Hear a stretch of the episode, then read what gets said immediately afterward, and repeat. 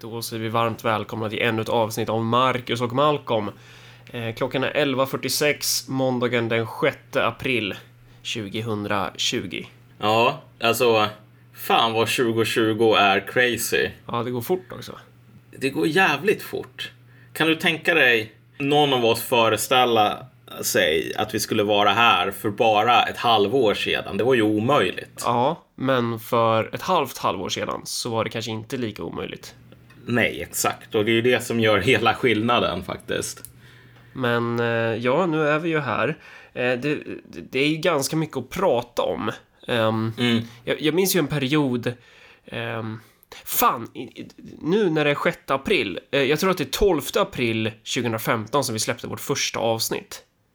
Så det är ju typ femårsjubileum kanske när det här släpps då. Ehm, och, Ja, det är fan, det är inte illa. nej, det är ju rätt sjukt. Ehm, Den första femårsplanen av Marcus Malcolm är härmed avklarad. P- Precis. Eh, Frågan är huruvida vi har uppnått målen. Men... eh, men Jag vet inte ens vad vi hade för mål när vi började. Nej, och då är det ju bäst... Det bästa är ju att helt enkelt eh, bara utgå från att vi hade inga mål, för då kan vi ju inte ha misslyckats. Ja, men precis. Fast det är ju den, den... Stalin skulle väl ha sagt att det i sig är ett misslyckande som förtjänar döden och inte ha ett mål med sin femårsplan. Så jag menar, ja.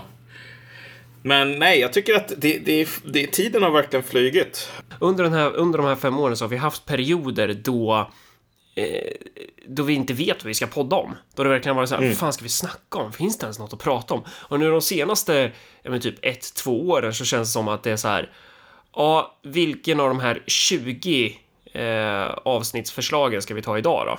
Att det är, det, och nu i corona, det, det finns ju ingen hejd på skiten. Nej, alltså nu kommer vi väl ha ganska mycket avsnitt av stilen att vi kommenterar det som håller på och händer och försöker analysera det därför att alltså, det, det är svårt att komma undan.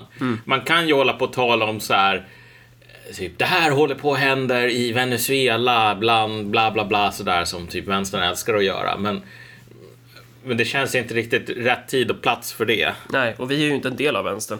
Så det är ju... Nej. Varför skulle vi göra så? Men eh, det finns ju lite olika grejer att prata om nu.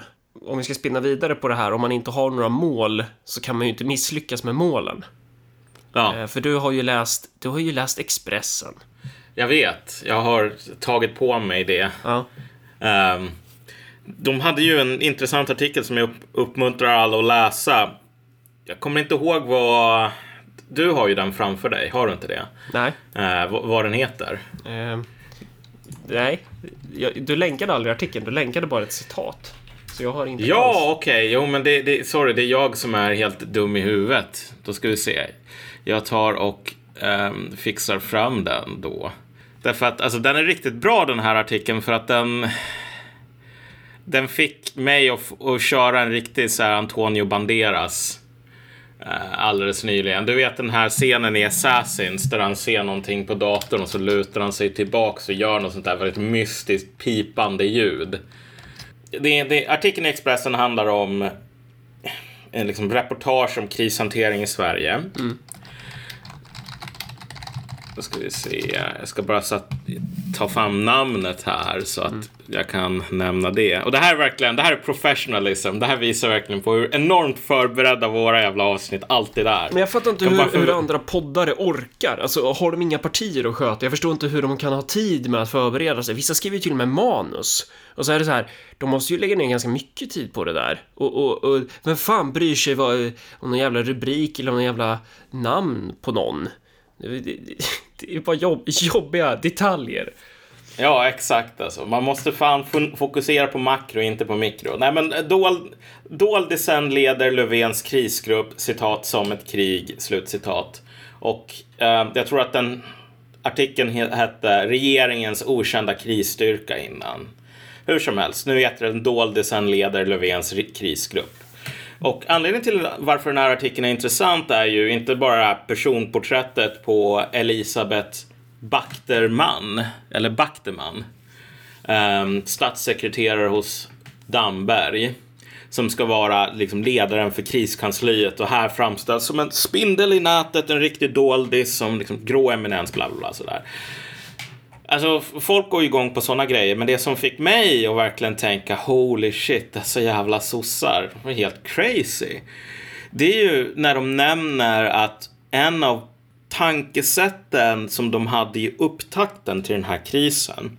För att Sverige har ju efter tsunamikatastrofen och äh, den totala äh, fastlåsningen som vi hade då så gjordes det ju utredningar, självklart, eftersom det är Sverige vi talar om. Och de här utredningarna kom fram till att det behövs någon sån här krisledning centralt så att myndigheterna inte kör sitt eget race. Um, och den här krisledningen skulle då ligga direkt under statsministern. Men när regeringen Löfven 1 trädde på så ändrade man på det här. Man ville skjuta bort krishanteringen så att den var längre bort från statsministern. Och ett av argumenten som de uppger, eller som källan till den här artikeln uppger, det är helt enkelt att det här var bra därför att om det blir en kris, då kan man skydda Löfven från att få för mycket skit på sig. Om han säger, ja ah, vet du vad, jag visste inte för Anders Ygeman informerade mig inte för vi hade inget rum. Då kan man offra Ygeman, mm. inte Löfven.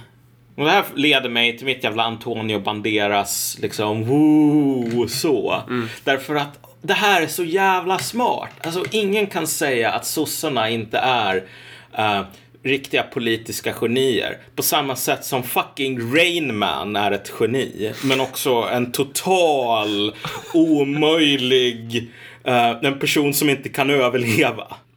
Alltså så här, problemet med den genialiteten i det här, det är ju samma genialitet som sossarna visade när de krossade alliansen. Mm. Alltså herregud vilket jävla smart spel de hade för att krossa alliansen, den här stora fienden som de identifierat som måltavlan. Det är bara det att en bieffekt av att krossa alliansen var att man dels hamnade i koalition med Centerpartiet och Liberalerna. Tvingas genomföra politik som ligger till högern, till höger om högern. Och man har skapat en ny fiende i det så kallade konservativa blocket som antagligen har större förutsättningar att samarbeta i längden än vad alliansen hade om de hade överlevt. Och då är frågan, eh, alltså beroende på vad målen var där, för om målen var att, att vrida Sverige i en viss politisk riktning, för det är nog många som tänker sig att sossarna kanske vill driva en politik som ligger mer till vänster om vi ska använda det begreppet. Ehm, men i sådana fall så har de ju definitivt misslyckats. Men om de å andra sidan har som mål att överleva själva som parti så har de kanske lyckats på kort sikt, men på lång sikt ja. kanske inte för att den politik de bedriver kommer ju slå mot deras gräsrötter och hela deras projekt, typ. Ja, exakt. Alltså för ett väldigt kortsiktigt, alltså det är, fort, det är extremt osäkert på om den här regeringen som man offrade så mycket för att få igenom ens kommer att sitta ut sina fyra år. Och det man offrade var mer eller mindre eh, banden till LO. Man har försatt LO i en omöjlig situation nu när, vad fan ska man göra om det är så här 20% av typ LO-kollektivet som röstar på S och så här 40 som röstar på SD. Mm. Uh, eh, LO-pamparna kanske är riktiga goda, lojala tennsoldater men till slut så kommer the prime directive här att, att överleva själv. Kommer att få de här lojala sossepamparna att säga att nu kan vi inte hjälpa er längre. Därför att vårat val är antingen att ha sönder LO eller um, inte göra det. Och har vi sönder LO, då är inte LO till någon hjälp ändå. Men, men min lön, min jävla strandtomt, kamrat Löfven, den betalar inte sig själv. Så, som tredje väg då, ifall man planerar att man ska sitta ungefär åtta år i sossetoppen och sen hoppa vidare till Swedbank eller vad det nu kan vara för kul man hittar på. Då, då gör de ju helt rätt. Mm. De, de, ska hålla, de ska hålla vattnet över vattenytan, eller de ska hålla huvudet över vattenytan. Ja, men problemet är bara så här att alltså, vad sossarna här har lyckats med är ju taktik utan strategi. Därför att äh, varje taktik som de använder som funkar här i, i nuläget leder till strategiska förluster som håller på att ha sönder sosseriet. Och det som är så diaboliskt vackert med den här senaste genialiska taktiska segern. Att så här, nu ska inte Löfven eh, få fronta utan vi ska rycka fram någon Ygeman i efterdyningarna till det här. Är ju att det här är en strategi som kommer att funka utefter sina premisser. Alltså att det är fullt möjligt i Sverige idag att spä ut vattnet så mycket så att individuellt ansvarsutkrävande mer eller mindre är omöjligt. Folk kommer att tröttna innan de är färdiga med det. Mm. Det är 100% möjligt och det är det sannolika scenariot. Men priset för det kommer att bli en politisk legitimitetskris. Och en legitimitetskris är någonting, det, det är en helt annan liga än en, en politisk kris. Därför att i en legitimitetskris så är problemet det som liksom, där skon klämmer, är att de, den styrande eliten en block som helhet inte längre kan rättfärdiga sin fortsatta elitstatus. Och vid det laget så spelar det ingen roll vems det individuella ansvaret är. Och man kan faktiskt illustrera det med, ja, speciellt eftersom Mike Duncan håller på att göra en podcastserie om den ryska revolutionen så kan man ju bara eh, och det finns en del lyssnare som säkert har lyssnat på det så kan man ju illustrera det här med ett exempel därifrån. 1904 så var det så att om du var socialist, det var nästan omöjligt att försöka nå, du vet, organisera arbetarklassen. Alltså det här var, det här var typ motsvarigheten till liksom 20 ung vänsterpers som sitter på bokcaféet Projektil. Ehm, det var vad socialdemokrater, eh, agrarsocialister och så vidare var. Därför att varje gång som du skulle försöka gå ut till arbeten och säga tsaren är ond, vi måste störta tsaren. Så möttes du alltid av samma sak som möter sossarna idag. Alltså vilket är folk som säger, vet du vad, du, tsaren är god. Jag vet att tsaren kommer att rädda mig om jag verkligen behöver det. Det är bara hans jävla ministrar som är onda. Visst, jag har det jävligt fattigt och så vidare nu, men tsaren är ändå beskyddare av det ryska folket, du vet. Men hur översätter du det till idag? Menar du då att, att folk tror på socialdemokratin eller politiken som idé? Men... Ja, de, ja, de tror, de ja. tror på sina eliter. De tror på sina eliter. Alltså att Visst, det är ingen som tror på själva ideologin bakom socialdemokratin. Den är ihålig. Det är ingen som tror på att Socialdemokraterna inte är ett korrupt parti. Men vad folk tror är att i den yttersta krisen, när det verkligen är så att de kommer att om ingen gör någonting så kommer de att se medan deras mamma kvävs av liksom att blodet fylls med lungor framför ögonen på dem.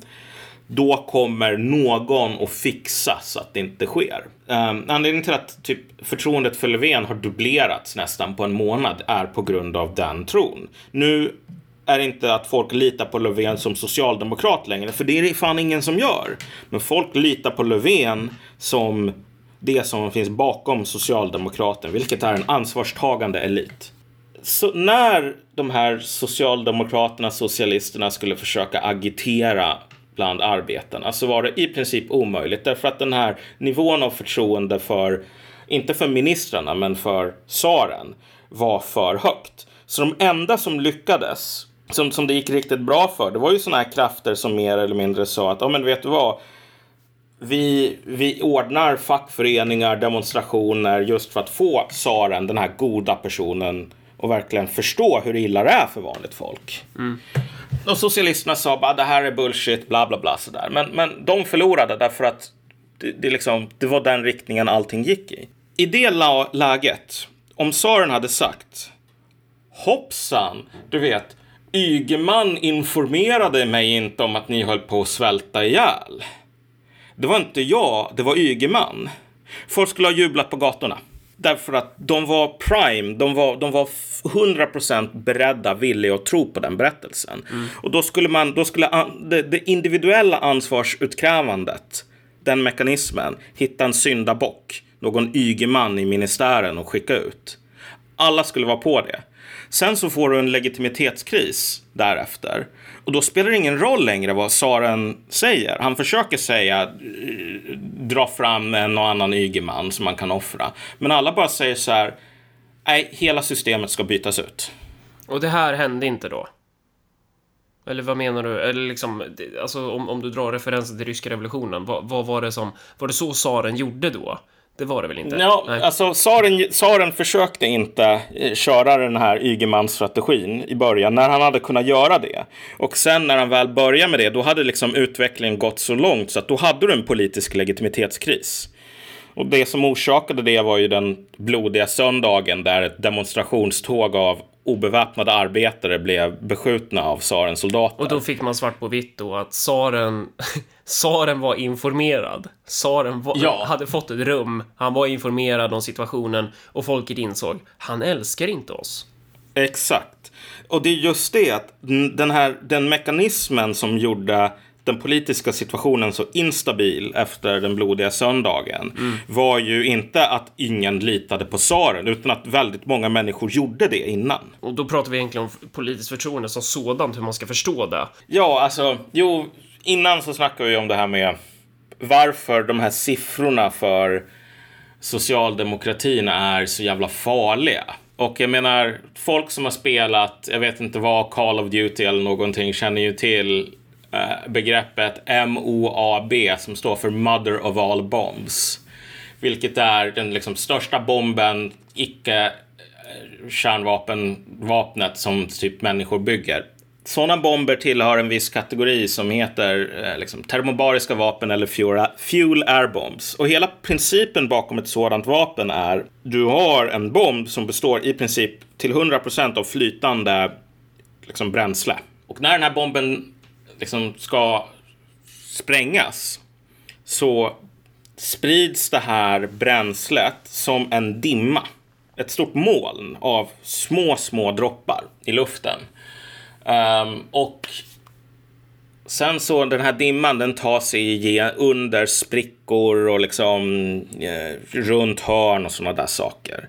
Och sen en kort sekund senare när det har nått så här maximal saturation i, i, i mättnad ute i luften. Då antänds hela det här molnet. Vilket orsakar en katastrofalt stor tryckvåg. Och den är då mycket större än om den här flytande vätskan bara skulle vara en egen liten behållare då. Ja, precis. Därför att alltså, det som behövs för att du ska kunna... Alltså en explosion är egentligen bara en sak som brinner upp. Det är typ eld, fast jätte, jättesnabbt. Um, och för att en eld ska kunna brinna så behövs det ju syre. Och vill man få en, en vanlig eld att brinna mer, då blåser man ju på den. Därför att då tillför man mer syre. Det är samma princip här. Det här stora molnet är ju så explosivt därför att den här dimman gör att allt bränsle har maximal tillgång till liksom, syret runt i luften. Så desto mer ett folk har investerat i förtroende för en ledare eller något parti, Ja, ehm, exakt. Desto, desto mer syre kan man säga att det finns då, när den här ledaren eller, eller partiet agerar på ett sätt där man bryter mot eh, det förutsägbara, då man helt Ja. enkelt sviker det här förtroendet då. Exakt. Alltså, vad, vad folk ofta gör för misstag är att de tänker sig att så här, ehm, politik, det är bara... Det är som om du spelar något datorspel och så har du bara någon sån här siffra. Bara, jag har så många politiska poäng och nu får jag minus 100 så här. Så nu har jag minus 20 politiska poäng och då har jag en politisk kris. Alltså det här är inte statiskt, det här är inte matematik. Och det är inte liksom som pengar, så här, bara objekt man lägger på hög. Utan precis som om vi tänker oss så här, samma sorts bränsle kan bete sig väldigt annorlunda beroende på om det är ett statiskt eller ett dynamiskt system. Så kan liksom politiska känslor, liksom mänskliga samhällen, beroende på um, vi säger, om, om, om det sprängämnet här är i luften eller i någon behållare så får det helt olika effekter. För då, Om, för då, då blir det... Strategin bör ju anpassas då beroende på vad man har för doktrinär syn på förtroendet. Att Ja. om man då tänker att nej, men förtroendet är bara olika procentenheter som går upp eller ner. Då är det så här att ja, men om vi ser till så att vi ligger på så högt förtroende som möjligt nu in, inför att vi släpper bomben, inför att vi, och med bomb menar då, inför att vi släpper en nyhet om att vi har misslyckats. Så gäller det att vi bygger upp så mycket förtroende som möjligt så att vi ligger på 44 procent i förtroende och då tappar vi 10. Snarare än att vi är ärliga nu för då kommer vi gå ner till 14 direkt. Men det är inte så det funkar då, utan det är snarare Nej, så nej, att nej. Att, att, att ju mer man blåser upp det här, ju mer man blåser Ja. upp att allting går bra, det är lugnt, så här, ni kan lita på mig och så samtidigt har en opposition då som säger ja, eh, eh, eftersom, eftersom vi inte agerar hårdare än vad vi gör, eftersom vi inte lägger, eftersom vi inte investerar i att försöka avsätta regeringen så tycker vi också allting är lugnt, ni behöver inte vara oroliga och sen bara från ingenstans bara bang så smäller det då. Exakt. Alla som har gått igenom den svenska flumskolan känner väl till den här brandtriangeln. Så här. Det är en triangel med så här eld. Och så är det tre streck i den. Det ena strecket är syre, det andra är bränsle och det tredje är väl temperatur. Ehm, och poängen med brandtriangeln när man ska liksom lära unga zoomers om hur eld funkar är att tar du bort någonting av de här sakerna då kommer elden att försvinna. Så att du vet om du ska släcka en eld så tänk så här. Du kan göra, du kan gå på temperaturen, du kan stänga av syret eller du kan ta bort bränslet så här. Beroende på vad du har, vad, vad förutsättningarna är. Och om du ska försöka hitta någon sån här politisk brandtriangel här för att verkligen försöka förstå de faktorer som måste samverka för att skapa enorma politiska kriser, explosioner. Då skulle jag säga att en del av den här triangeln det är, du behöver även här bränsle. Alltså du behöver någonting som kan explodera, någonting som har liksom, energi. Ehm, och i det, det, i det här fallet så är det framför allt en tilltro till systemet. Alltså legitimitet är det som du kan antända och få en explosion. Precis som med sprängämnen där alltså en explosion egentligen bara är en väldigt snabb brand. Det är inte liksom riktigt två olika kategorier utan snarare en skala.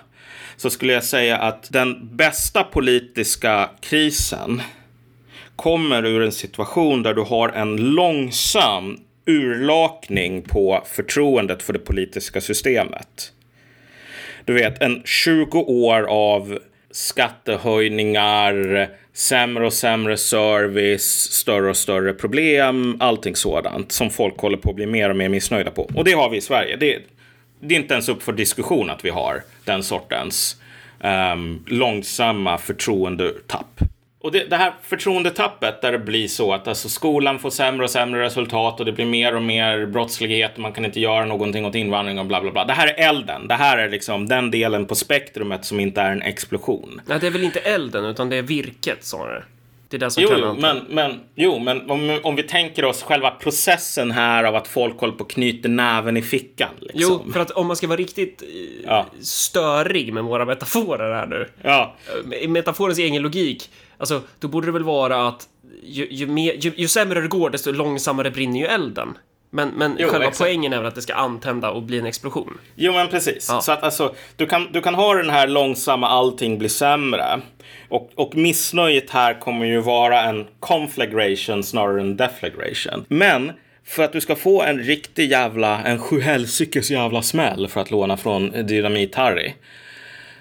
Um, då måste du lägga till någonting ovanpå den här liksom, långsamma brinnandet. Vilket är en akut situation, någon form av nationell kris. Där det fortfarande finns tillräckligt med um, förtroende för de styrande för att liksom, det ska kunna antändas.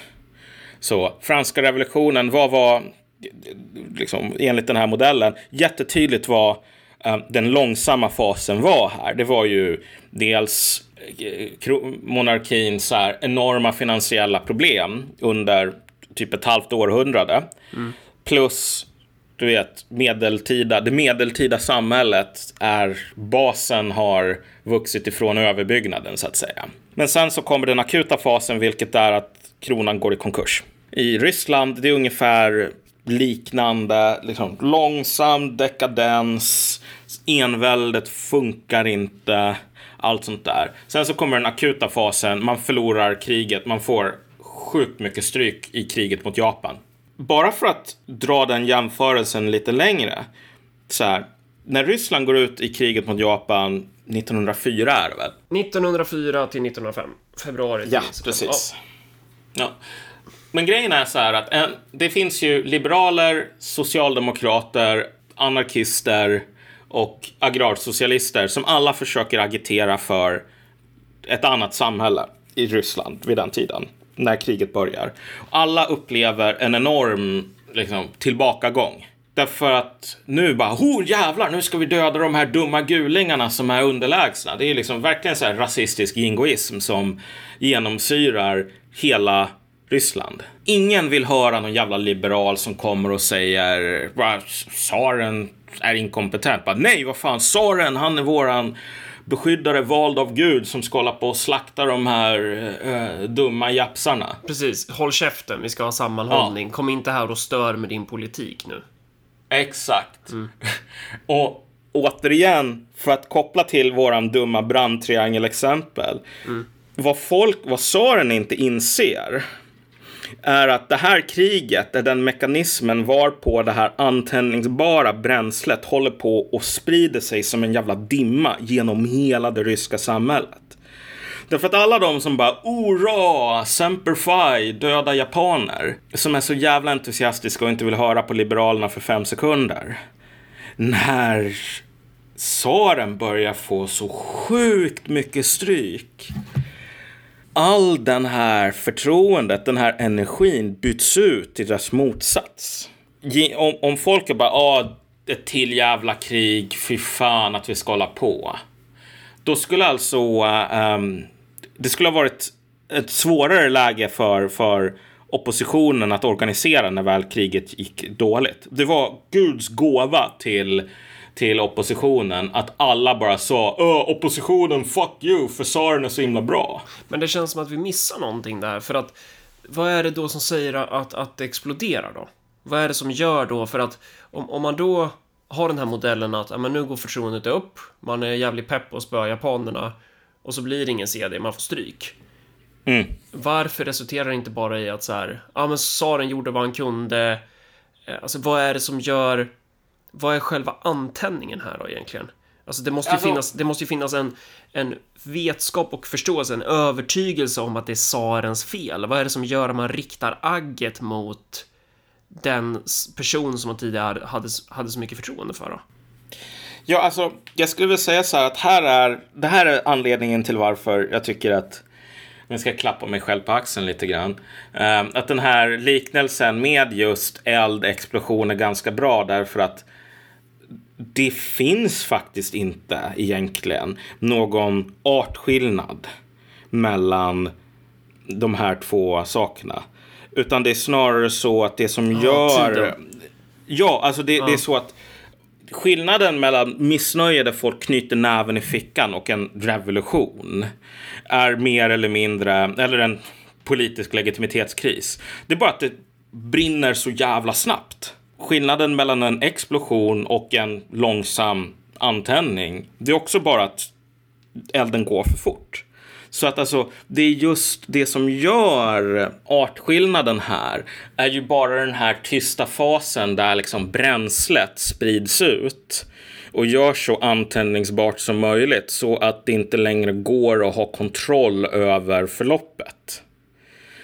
Och vi har verkligen väldigt liknande omständigheter i Sverige idag. Och alltså sossarna, dessa galaktiska genier, när de typ ska försöka krishantera då bara, ja men vet du vad, om vi har det här bränslet utspritt på ett moln istället för på ett och samma ställe, om vi tänder eld på det, då kommer det antagligen inte att bara sprängas på en och samma plats och då kanske det går lite långsammare.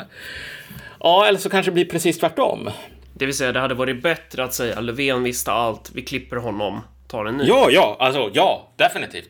Alltså det hade varit bättre för sossarna, det hade varit bättre för Löfven. Um, därför att um, saken som du riskerar här är att du får en situation där ansvarsutkrävande inte längre blir relevant så länge som det är typ Nuon eller Transportstyrelseskandalen eller någonting, då kan man offra en Ygeman och befordra honom snett uppåt. Därför att alltså, folk bryr sig inte så himla mycket. Och de, de nöjer sig med, ja men nu, nu har de gjort någon sån här token-justering som alla vet egentligen inte gör någonting. Okej, nu, nu, nu är krisen över. Men i en legitimitetskris, då är, då är det inte enskilda människor som folk är sura på. De är sura på systemet. Alltså, du vet, tänk dig att du har ett getingbo utanför fönstret och så blir du stucken av några jävla getingar och så ringer du Anticimex. Det är inte som Anticimex frågar Ja, innan vi åker ut, vilka getingar var det som stack dig? Så tar vi och, och, och, och hanterar dem. Det är bara så här, nej, boet ska bort. Mm. Och vet du vad, getingarna om de kunde tala skulle väl säga typ att Ronny här, han hade fan en jävligt svår uppväxt. Han var en unge på glid och du vet när han såg dig, alltså, du vet, han tappade kontrollen. Men du är ju inte intresserad av det om man skulle vilja ha en om, alltså bara en, någon form av typ systemomvandling så vill man ju föredra, alltså istället för att gå eh, steg för steg för steg så vill man ju ha chocker. Man vill ju hoppa stora språng. Det är ju där det ska ja. vara. Det ska vara 10 steg i taget, 20 steg i taget. Det ska gå fort. Och då, då är det nästan bättre att planera för då eh, någon form av chock snarare än än um, att långsamt köra på den här droppen som urholkar stenen. Eller det kanske är både och i och för sig. Lite beroende på vad man lägger i begreppet. För att jag upplever ju att Sverigedemokraternas strategi, anledningen till varför jag tar upp dem är ju för att de är de enda som är relevanta här, för att Moderaterna har ingen typ av strategi för förändring, utan de sitter ju bara och väntar på att, mm. att pendeln ska svänga över till deras håll, så de får ha den några runder och sen svänger den över till sossarna igen och så vidare. Men eh, alltså, jag upplever någon annan form av av attityd från Sverigedemokraterna än så länge och det är väl mer att man, man vill väl göra någon form av förändringar typ. Där jobbar man väl mer att man nöter hela tiden. Man fortsätter nöta ett narrativ att så här, jo men vet ni vad, det finns faktiskt problem med invandringen och det finns faktiskt eh, en legitimitet mm. i våra politiska frågor. Men, men det som fattas där är då um, ett moment av antändning, att man Istället för att hela tiden gå ett eller två steg i taget så behöver man hoppa tio steg. Ja. Förstår man hur jag menar här? Alltså att, att, att eh, i en sån här coronakris, där, de, där, där hade de kunnat haft, här har de ju en möjlighet eh, att, att man då skulle mobilisera hela sin maskineri och sen börja tokköra på hur mm. jävla inkompetenta regeringen är. Det är alltid kommer gå åt helvete. Folk kommer dö. Det här är, det här är bödlar, det är förrädare, det är fiender. Du vet, bara trumma hårt som fan på, på krigstrummorna. Men, men istället så fortsätter man gå den här då sakta men säkert i samma takt. Typ. Ja, exakt. Och, och det stora problemet här är ju att så, eh, Sverigedemokraternas strategi av skäl som är både taktiska och strategiska men som tyvärr över tid nog blir att taktiken får vara strategins moder snarare än tvärtom. Vilket man, om man ser på sossarna leder förr eller senare rakt in i döden. Men så här... Ja, vi är ju inte där än dock. Nej, nej, nej. Nej, nej då. Men, men, men, men, det är liksom slutpunkten för den sortens att vara för smart för sitt eget bästa inom politiken så att säga. Ett problem här är ju att givet den koalition som man hoppas få rent parlamentariskt så behöver man så att säga man behöver agera på ett sätt som inte är en till gagn i en politisk legitimitetskris nödvändigtvis. Därför att man måste samla på sig good boy points som, som sd för att visa att vi är ansvarstagande förvaltare. Ni, ni så här kodebrudar behöver inte vara rädda för att dejta ungsvenskar sådär. Alltså det, det är helt logiskt att bete sig så av, liksom, om inte av politiska så i alla fall av hormonella skäl. Men problemet är bara att din legitimitetskris, dina good boy points är värdelösa. Totalt värdelösa. Och de kan till och med vara skadliga. Om de inte bara är helt irrelevanta så kommer de att skada dig. Ja, för tvärtom, för då, exakt, för du har ju investerat då. När, när du säger att, när du vill visa att du har good boy points, då visar du ju att du är en del av det system som saknar legitimitet. Exakt. Om, om vi tar liksom Örebropartiet här som ett random exempel. Det är inte ett parti som existerar som är byggt för att maximera good boy points. Um, om du tar uh, Christian Sonesson av House Sonesson nere i Skåne. Uh, det är inte heller en person som maximerar good boy points. tvärtom. Det här är en snubbe som maximerar Actoritas. Uh, vilket är en valuta som är 100% gångbar, speciellt i kristider. När tidigare strukturer av formell och informell makt kollapsar så är det den personen som har auktoritet som folk lyssnar på. Ja, framförallt som med alla valutor när det råder brist på dem så går ju det upp mm. värde och just nu så råder det ganska mycket brist på auktoritas.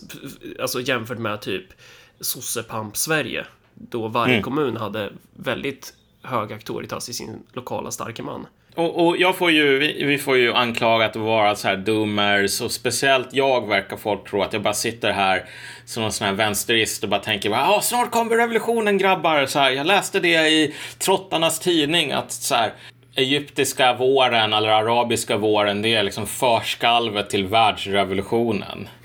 Det var ju vad de jävlarna skrev. Ja. Du vet. Alltså hur många förskalv till världsrevolutionen har vi typ inte haft? Och sen går de typ ut och kör så här stödmanifestationer för Jabhat al-Nusra. För att det är den, ja. den socialistiska spjutspetsen. Jävlar.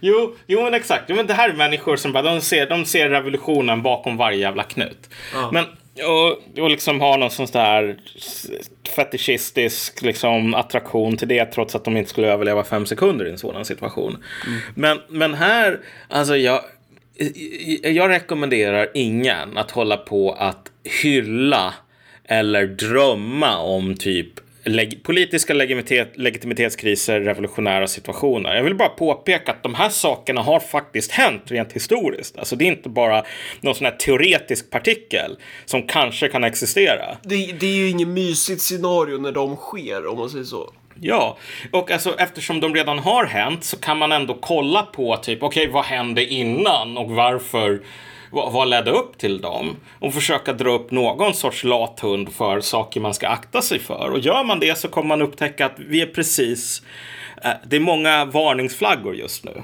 Men enligt den senaste opinionsmätningen här så sitter 33 procent av våra lyssnare just nu och, och eh, undrar varför har inte det här redan hänt då? Alltså, det stora problemet här är ju att låt oss bara ta en sån här, en, en, en fråga som en sjuåring kan ställa. Därför att det är ofta de frågorna som är ganska avslöjande. De som säger någonting som vuxna inte tänker på. Och jag är ganska dum i huvudet så jag har ändå förmåga att tänka på nivån av en sjuåring ganska ofta. Så jag sitter alltid och funderar på typ varför kan inte folk se de här, du vet, franska revolutionen. Franska revolutionen är en big jävla deal. Mm. Typ, en av de viktigaste händelserna, en av de största händelserna i typ världshistorien. Varför kunde inte de här smarta människorna i, i ministären se det här komma? Mm. Och den första responsen om man är vuxen, det är bara, ja men vet du vad, de var inte moderna svenskar. Så de är typ värdelösa. Uh, och, och, du vet, jag, jag har ju, jag, ibland har jag den Eh, instinkten också. Men sen så kommer sjuåringen fram inom mig och bara, men tänk om de var precis lika smarta som vi idag. Tänk om människor genom tiden är ungefär lika smarta och när det gäller bara rent så här, jag vet inte, någon sorts intelligenskvot-ish. Eh, vad nu det rådande samhället betraktar som intelligens och liksom enligt de måtten mätt så är det ofta de klipskaste som rör sig till toppen. Inte alltid, men det är det är fler sådana på toppen än på botten. Givet den övervikten också, varför kunde de inte se saker? Då, då, och då säger ju sjuåringen, det måste nog vara för att det finns någonting hos sådana här händelser som gör att de är nästan omöjliga att förutspå. Även om man är riktigt, riktigt smart. Och mitt svar på den frågan då, liksom vad, vad detta för någonting är, är ju just att återkoppla till den här um, liknelsen som ganska klumpig men på ett plan ganska elegant som vi drog det här med eld och explosioner. Men, att men den... i den, alltså den okända variabeln här, det är att veta exakt hur mycket det har spridits ut och exakt när det antänder. Exakt. Alla sådana här samhällen som genomgår det som Dynamit-Harry kallar för en jävla smäll. Mm. Det är samhällen där folk har vant sig vid den här konf, eh, konflagrationen, eller vad säger jag, deflagrationen är väl eld. Vad, um, vad är det då, deflagration? Då ska vi se. Jag kan, jag kan, antingen sa jag rätt eller så jag, säger jag precis tvärtom. Men alltså en... Använd andra ord då. Förklara vad du menar. Ja, okej, så här. Ehm, kolla.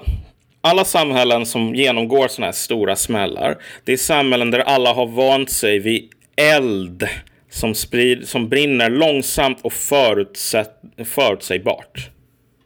Om du tänder eld på ett pappersark, då är det inte så här, när kommer pappersarket att explodera?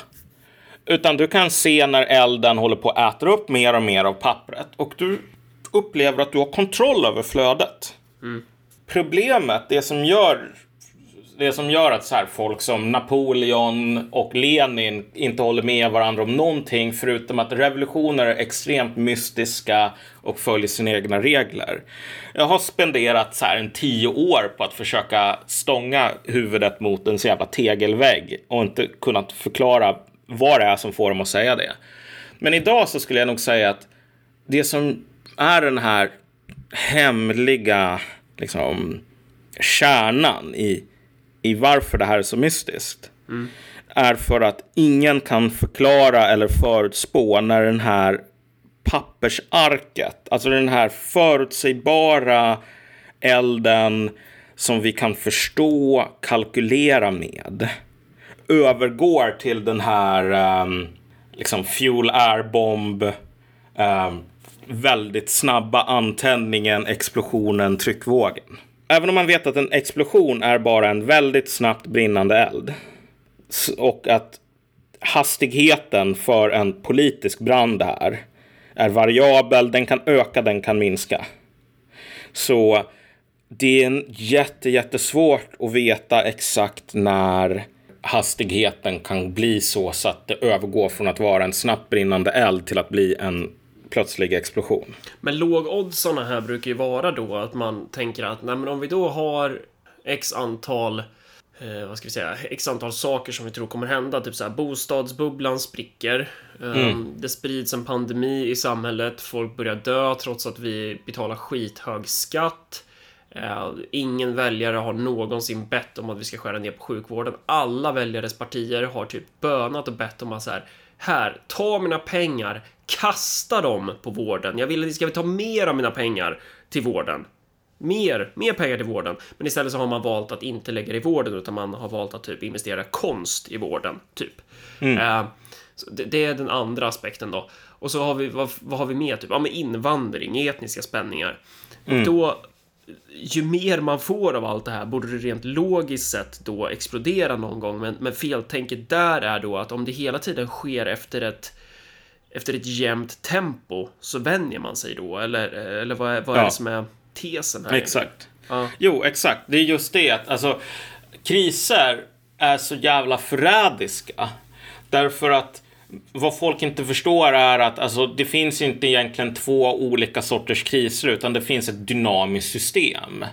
Eh, och när det här dynamiska systemet når en viss sorts liksom equilibrium här, eller liksom en viss sorts nivå av instabilitet till och med. Um, då börjar det här krissystemet spotta ur sig orka- orkaner. Men det är inte som att, liksom, om vi tänker oss vädret, att det finns så här olika typers, typer av, du vet, jorden har ett vädersystem som på tisdagen så går det över till orkanvädersystemet och på torsdagen så går det över till det lugna systemet. Utan det är ju allting är bara en och samma sak. Och det är bara totalt kaos. Men sen under vissa omständigheter så spottar det här kaoset ut sig soliga sommardagar. Och under andra omständigheter så spottar det ut sig hagel. Och du vet, vi, vi, trots att vi är så himla smarta och fina och bra och allting, det är ju skitsvårt för människan att förutspå vädret. Speciellt längre fram i tiden. Därför att alltså, det här är ett komplext dynamiskt system. Men vi kan ju förutspå det i, kortare perioder i alla fall. Ja, det kan vi göra. Men alltså när det gäller så här, när kommer typ nästa storm? Who knows? Um, ledtiden på en sån grej kan vara en vecka. Det kan komma totalt blindsida folk.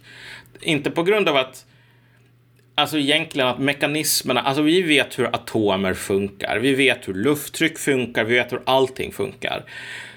och räkna på en tio atomer och se vad de håller på med, det är um, det är väldigt enkelt. Att räkna på 100 miljarder atomer upphöjt till typ 100 000 miljarder. Det är lite svårare. Det är ganska mycket att hålla koll på.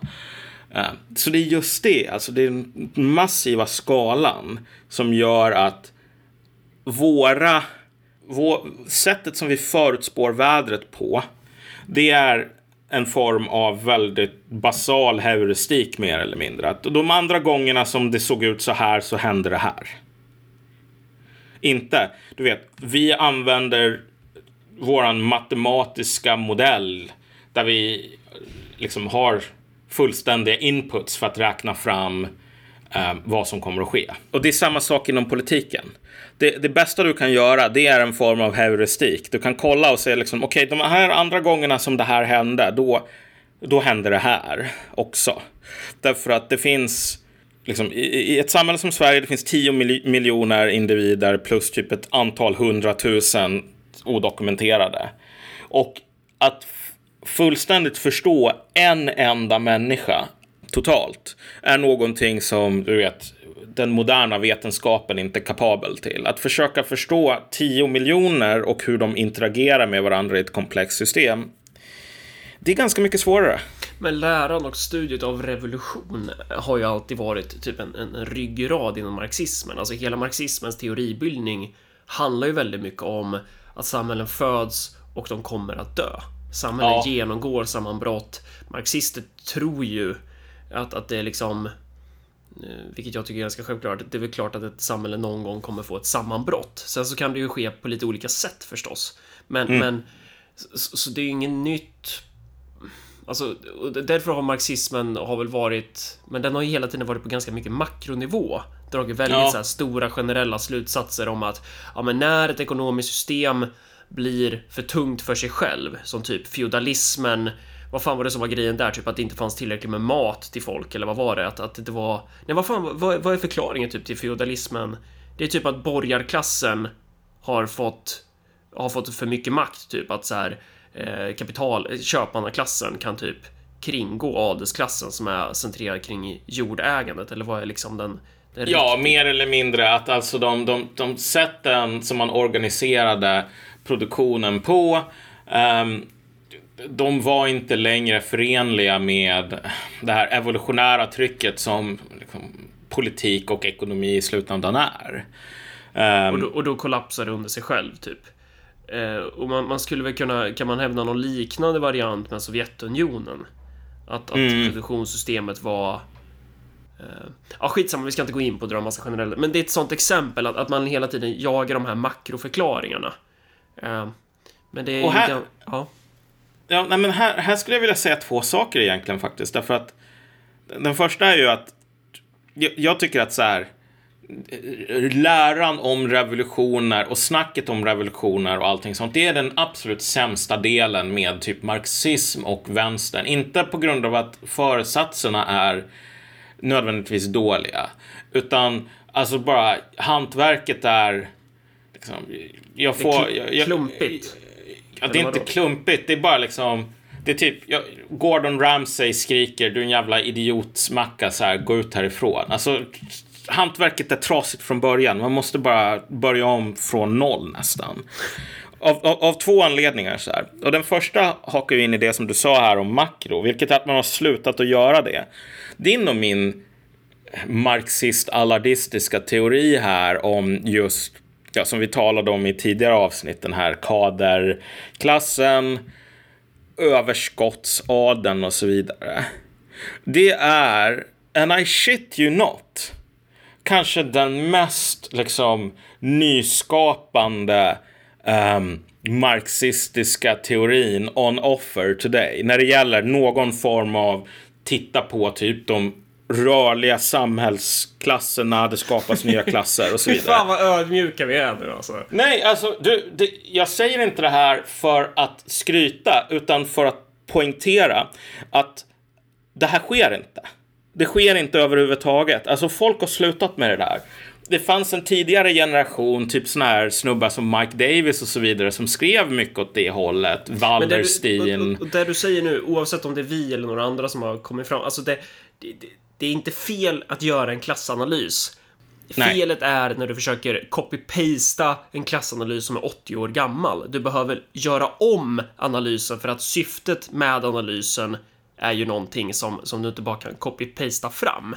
Jo, men, men, alltså, men grejen är att, att copy-pasta en analys är samma sak som att inte göra en analys. Ja, Alltså, absolut. och och, och det, är inte, det är inte bara att, att folk gör det för att de är för lata, utan de gör det för att de ex, explicit, alltså ändamålsenligt, inte ska behöva hålla på och analysera saker, för då kommer de att få svar som de inte tycker om. Så, så mycket av det här, om du tänker dig den interna jargongen inom vänstern när folk ska hålla på och klaga på den, då är det bara så här, åh gud, varför är vi så himla dumma i huvudet? Varför håller vi på med den här saken som bara självskadebeteende? Men extremt lite av det som arga dissidenter kallar för ett självskadebeteende är självskadebeteenden. Alltså, att inte hålla på med klassanalys och bara komma med de här gamla så här, fantasisagorna som, som inte stämmer längre. Det kan antingen vara en översikt, en miss, eller så kan det vara ett sätt att ta ifrån syre från alla alternativa försök. Och i nio fall av tio så är det det sistnämnda, inte det förstnämnda.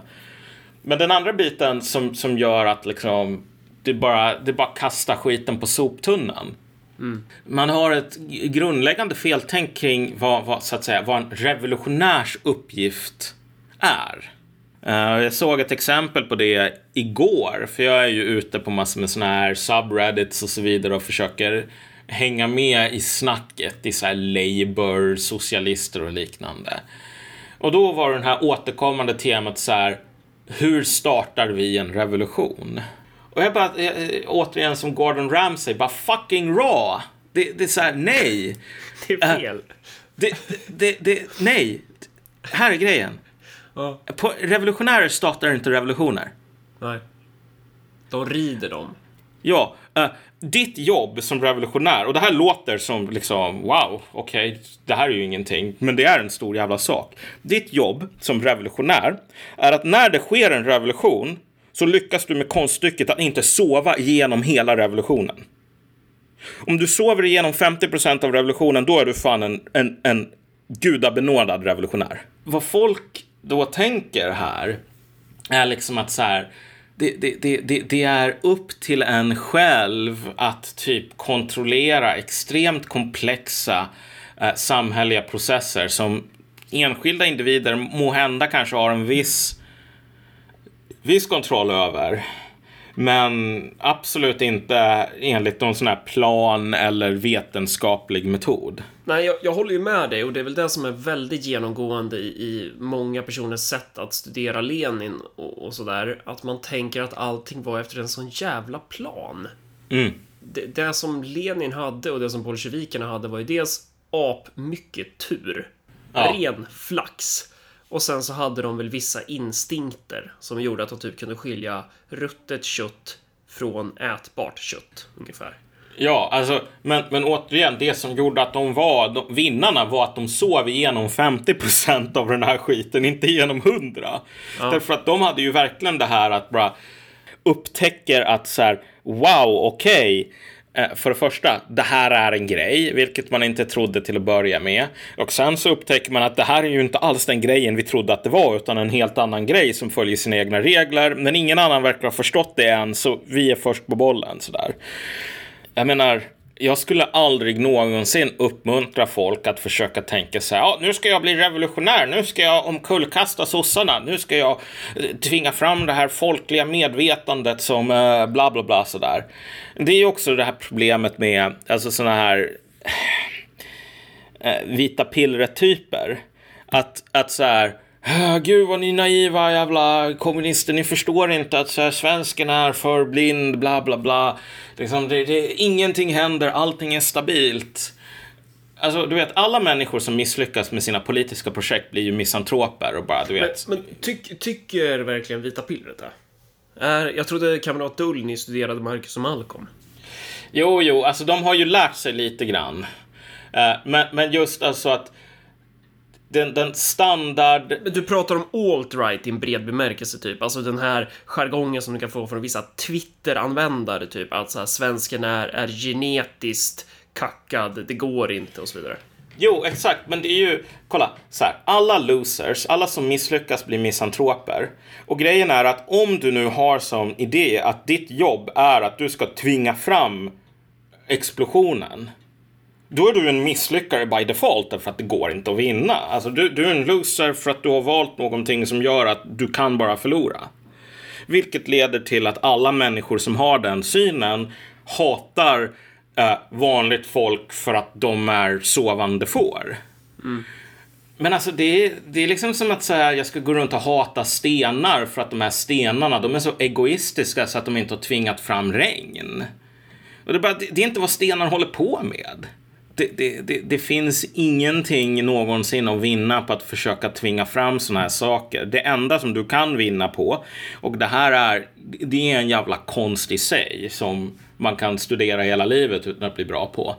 Um, men bara att lyckas med att sova hälften av eh, tiden det händer är eh, det, det är svårt nog. Men men ja och nej. För att jag menar, nå någonstans så agerade ju de franska revolutionärerna och de ryska revolutionärerna, revolutionärerna på... De var ju inte... Det är ju inte ett deterministiskt förlopp. Nej, nej. Alltså, så är det de har, man måste, de har ju en agens. Ja. Och, och åter till det här jag sa med, med till exempel Sverigedemokraterna, eller vi kan ta vilket parti som helst. Alltså, ett parti som är intresserat av att göra systemförändringar Mm. Eh, kan ju inte luta sig tillbaka med den trygga vetskapen om att det här löser sig själv. Eh, så, så, den slutsatsen får man absolut inte hamna i. Men man får ju inte heller hamna i att man, som många kommunister hade där ett tag, att man, att man försökte bli typ historiens utvalda. Ja. Att så här, nu, nu ska vi, vi, vi kan liksom likt typ Gandalf bara veva med trollspöt eller trollstaven och så kan vi liksom framkalla ett stort åskväder eller whatever. Att det, är lite av, av, varje här. Jo, men exakt. Och, men den bra liknelsen här är väl det här uttryckssättet att en armé slåss som den tränar. Att så här, träning är superviktigt, inte för att det är samma sak, utan för att det ger dig det här muskelminnet som faktiskt kan vara till en stor hjälp. Exakt, och, och där blir det då relevant för om du, har, om du har tränat din armé för en viss typ av konventionell krigsföring med en viss typ av, av, av doktrin och syn och attityd. Att så här, det viktiga här är att vi ska byta före på bilen, inte att vi ska byta ut bilen. Ja, precis. Um, då, då, kommer du lära dig att bete dig som en politiker, det är bara det att du kommer driva lite andra frågor. Uh, och, men, men, om du har ett bredare politiskt perspektiv på, på det, då kanske du kan navigera uh, en, en, ett annat politiskt klimat då.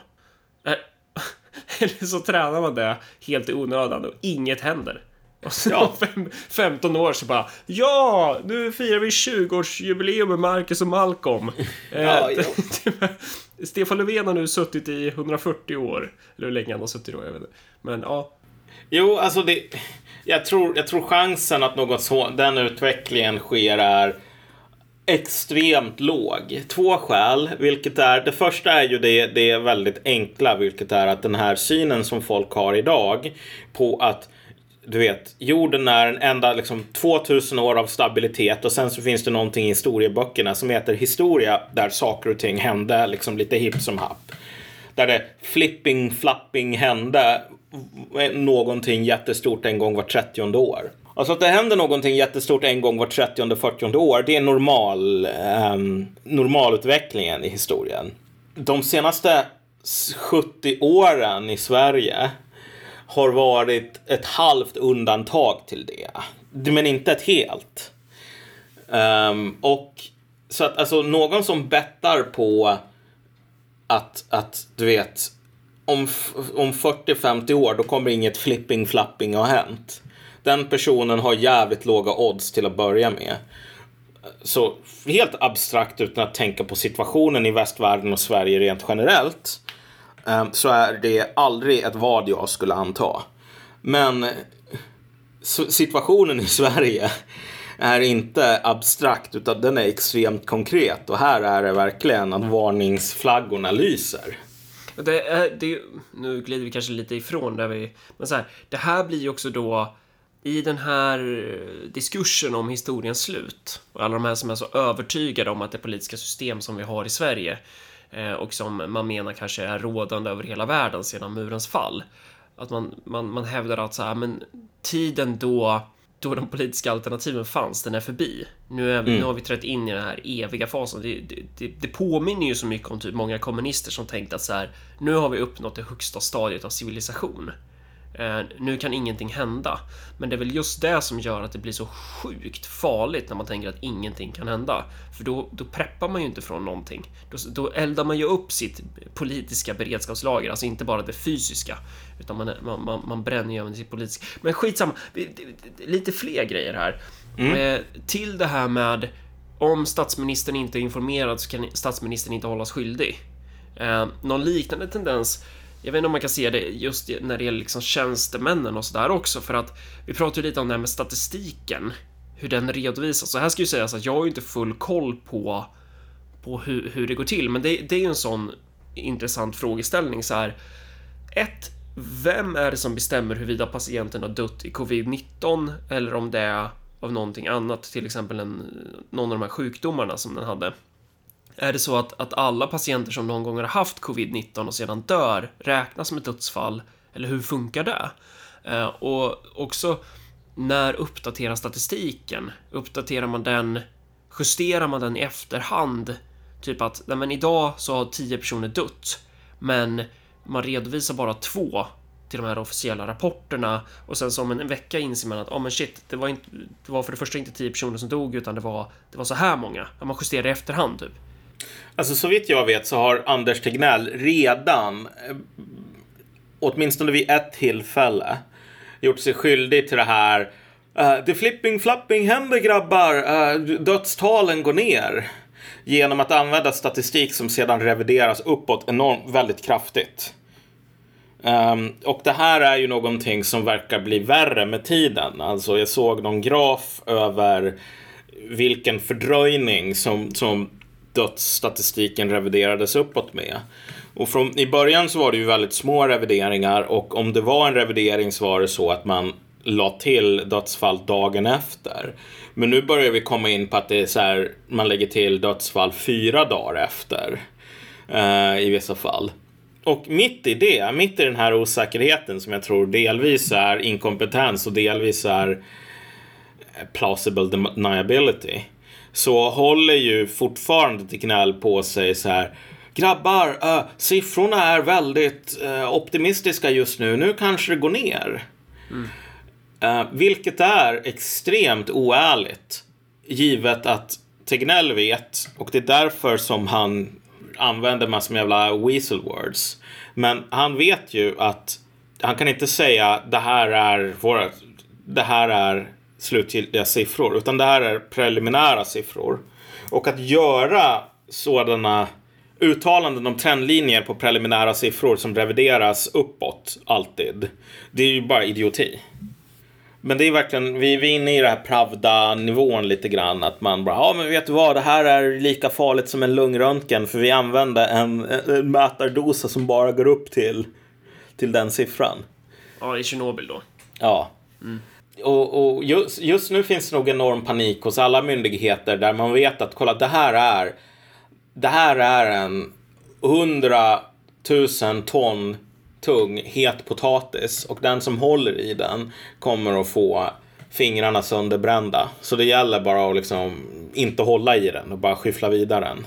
Jag tror att det inte är fullt kallt kalkylerat att man ska redovisa på det sättet, utan det handlar väl kanske då om att ja vad fan, det är väl kaos på sjukhusen och så ska man hålla på och rapportera in och sen så upptäcker man, ja men den här personen som dog här borta, ja men den hade covid-19 och då kanske det räknas som det och så finns det en massa oklara fall och sådär. Men, men oavsett vad, har det någon relevans för varför är det relevant typ?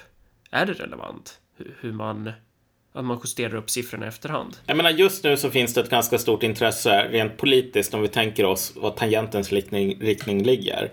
Att försöka minimera um, antalet dödsfall.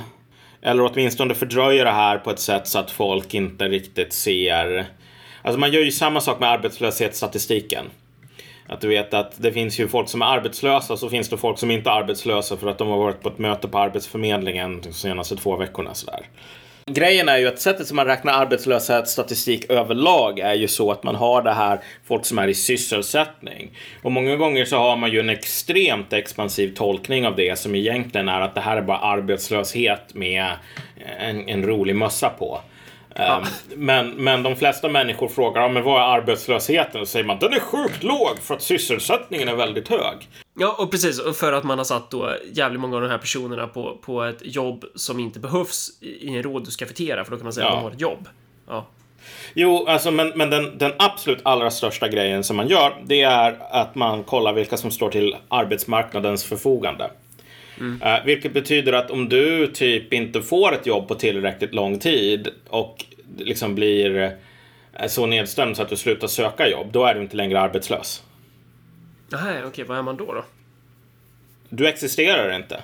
Okay.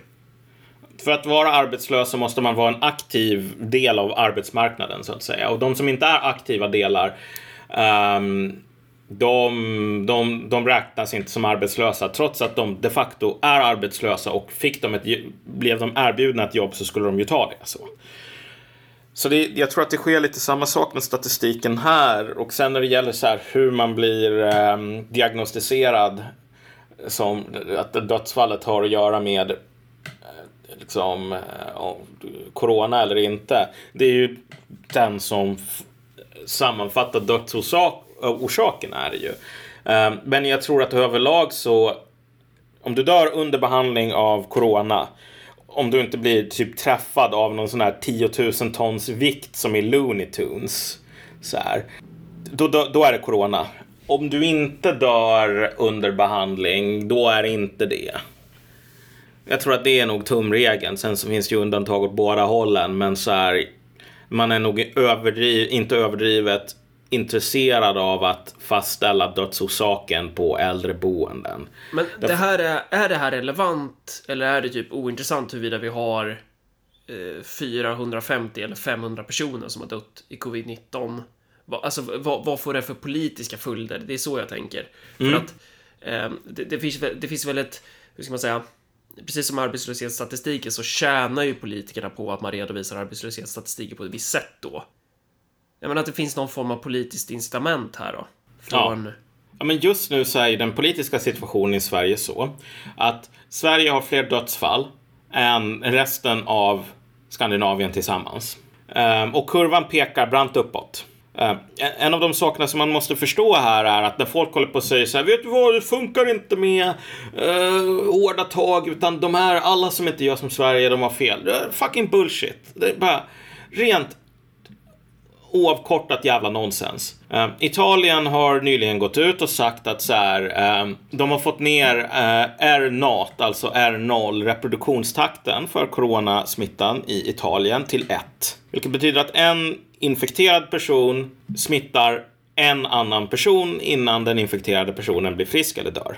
Vilket betyder att sjukdomen inte växer. Samma sak i Tyskland så menar man att man har fått ner den till 1 också och säger att man kommer att släppa på restriktionerna när man väl får ner smittan till under ett, vilket betyder att den krymper. Och för att kunna veta det måste man testa en hjärna hos människor också va? Det räcker ja, inte bara beräkna på de som är på sjukhuset. Precis, men det är testa och sen är det olika former av restriktioner. Testning är bra därför att då kan du se vad folk är sjuka och så kan du isolera där så att du inte behöver liksom ta en slägga till hela samhället. Ja men alltså man måste väl testa för att kunna beräkna R? Ja, jo, det, dels också det, precis. Det måste man ju göra. Um, även fast man kan väl komma med olika former av gissningar baserat på hur många som blir allvarligt sjuka och dör. Men, men den största förtjänsten med testning är ju så här att du kan ha en halvöppen ekonomi i alla fall genom att göra punktnedslag. Där folk är sjuka, där behöver människor isolera sig men inte på andra ställen. Eh, utan testning, då är du blind. Eh, så att när, när folk i Sverige säger ja men det här funkar inte. Visst, man kan komma med, och det här är ju vad svenskar gör i slutändan, olika så här halvt uttalade rasistiska stereotyper om, om så här italienare som bara ljuger för att de äter för mycket linguine ungefär. Eh, och därför kan man inte lita på de här siffrorna. Men, men seriösa regeringar i seriösa i-länder som har bättre sjukvård än Sverige säger att de kan få ner reproduktionstakten. I Sverige så har vi en strategi som typ inte är ämnad att få ner reproduktionstakten på ett seriöst sätt. Ta bara det här, vi måste skydda de äldre. Det var den svenska strategin att skydda de äldre. Låt mig komma med en enkel fråga. Eh, omvärderade man rutinerna på äldreboendena någonting kring det här? Nej.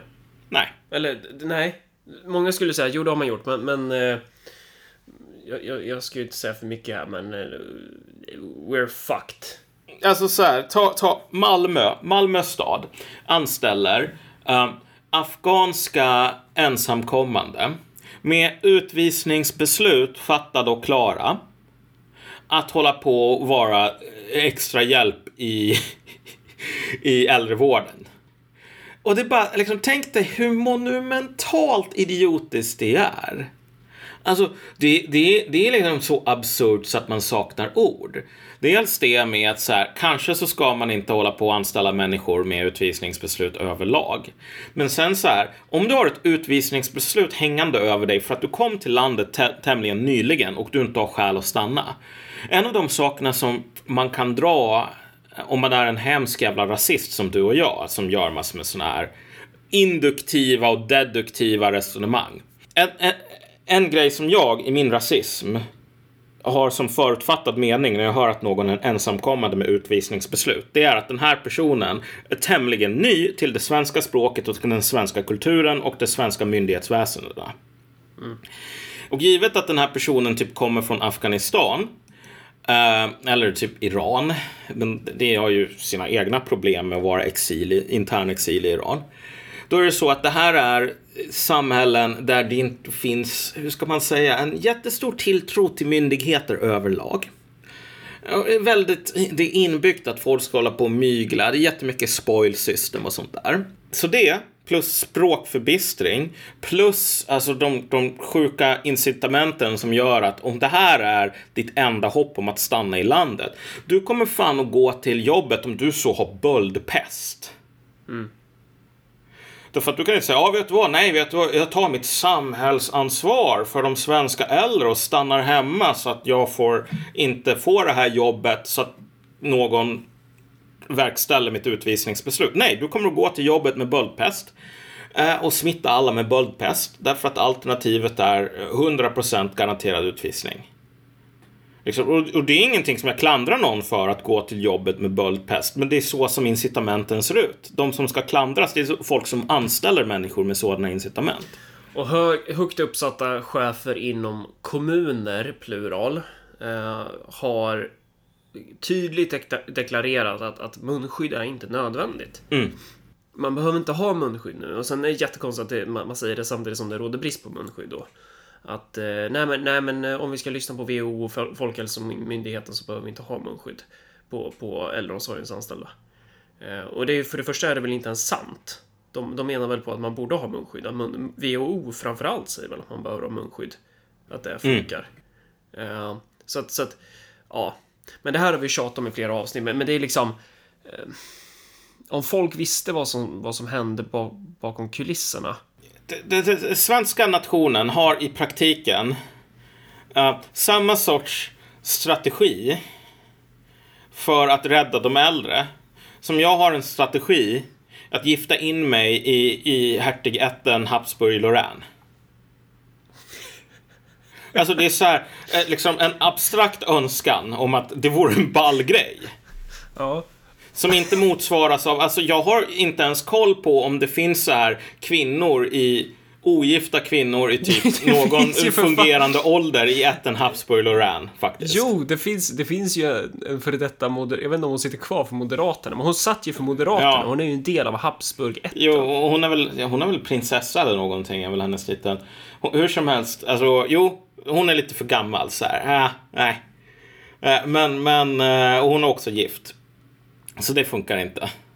Um, men som sagt, jag har ingen koll på om det ens finns någon i ätten jag kan gifta mig med och jag vet inte vad de heter. Um, och jag vet inte var de bor. Ingenting sådant. Men det är så här, det skulle vara en kul grej om det hände. Jag menar, jag skulle inte säga nej om det fanns någon skitsnygg Habsburgprinsessa som ville gifta sig med mig. Jag skulle säga ja direkt. Så det är min strategi för att bli ingift i ett av Europas mest anrika hertighus. Eh, Den svenska strategin för att skydda äldre är precis samma sorts önsketänkande. Det är så här, samma målsättning, men man har inget, inte ens jävla besöksförbud på äldreboendena. Fast det har man väl? Har man inte Ja, jo, man har ett besöksförbud just nu som inte har någon straffmätning. Men innan dess så eh, avis- aviserade man det här eh, att besöksförbudet skulle komma eh, i förväg så att du triggar igång en stor våg av besök på äldreboendena. Så det är inte bara det att vi har eh, ett totalt tandlöst förbud, utan införandet av förbudet motverkade, alltså skapade fler besök. Um, och samma sak, vi har inte skyddsutrustning, vi har inte rutiner, vi anställer massor med liksom Kalle på Spången afghaner som ska hålla på och vandra runt eh, som liksom fria fåglar eh, i någon sån här Astrid Lindgren-saga. Och eh, it's not a bad, good scene. Nej, it's not a bad good scene. Ja, ja, precis. Nu låter det mer som en jävla Zizek eller någonting. Hur som helst. bad good scene. Ja, Ja, det, det, det, det, det, hur ska man säga? Det är så här. Situationen är... I Sverige är situationen... Man ska ta det här gamla skämtet som Zizek gillar. I kommunikationen mellan Österrike, Ungern och Tyskland under andra världskriget. När de skulle försöka ha koll på hur det såg ut på varandras fronter.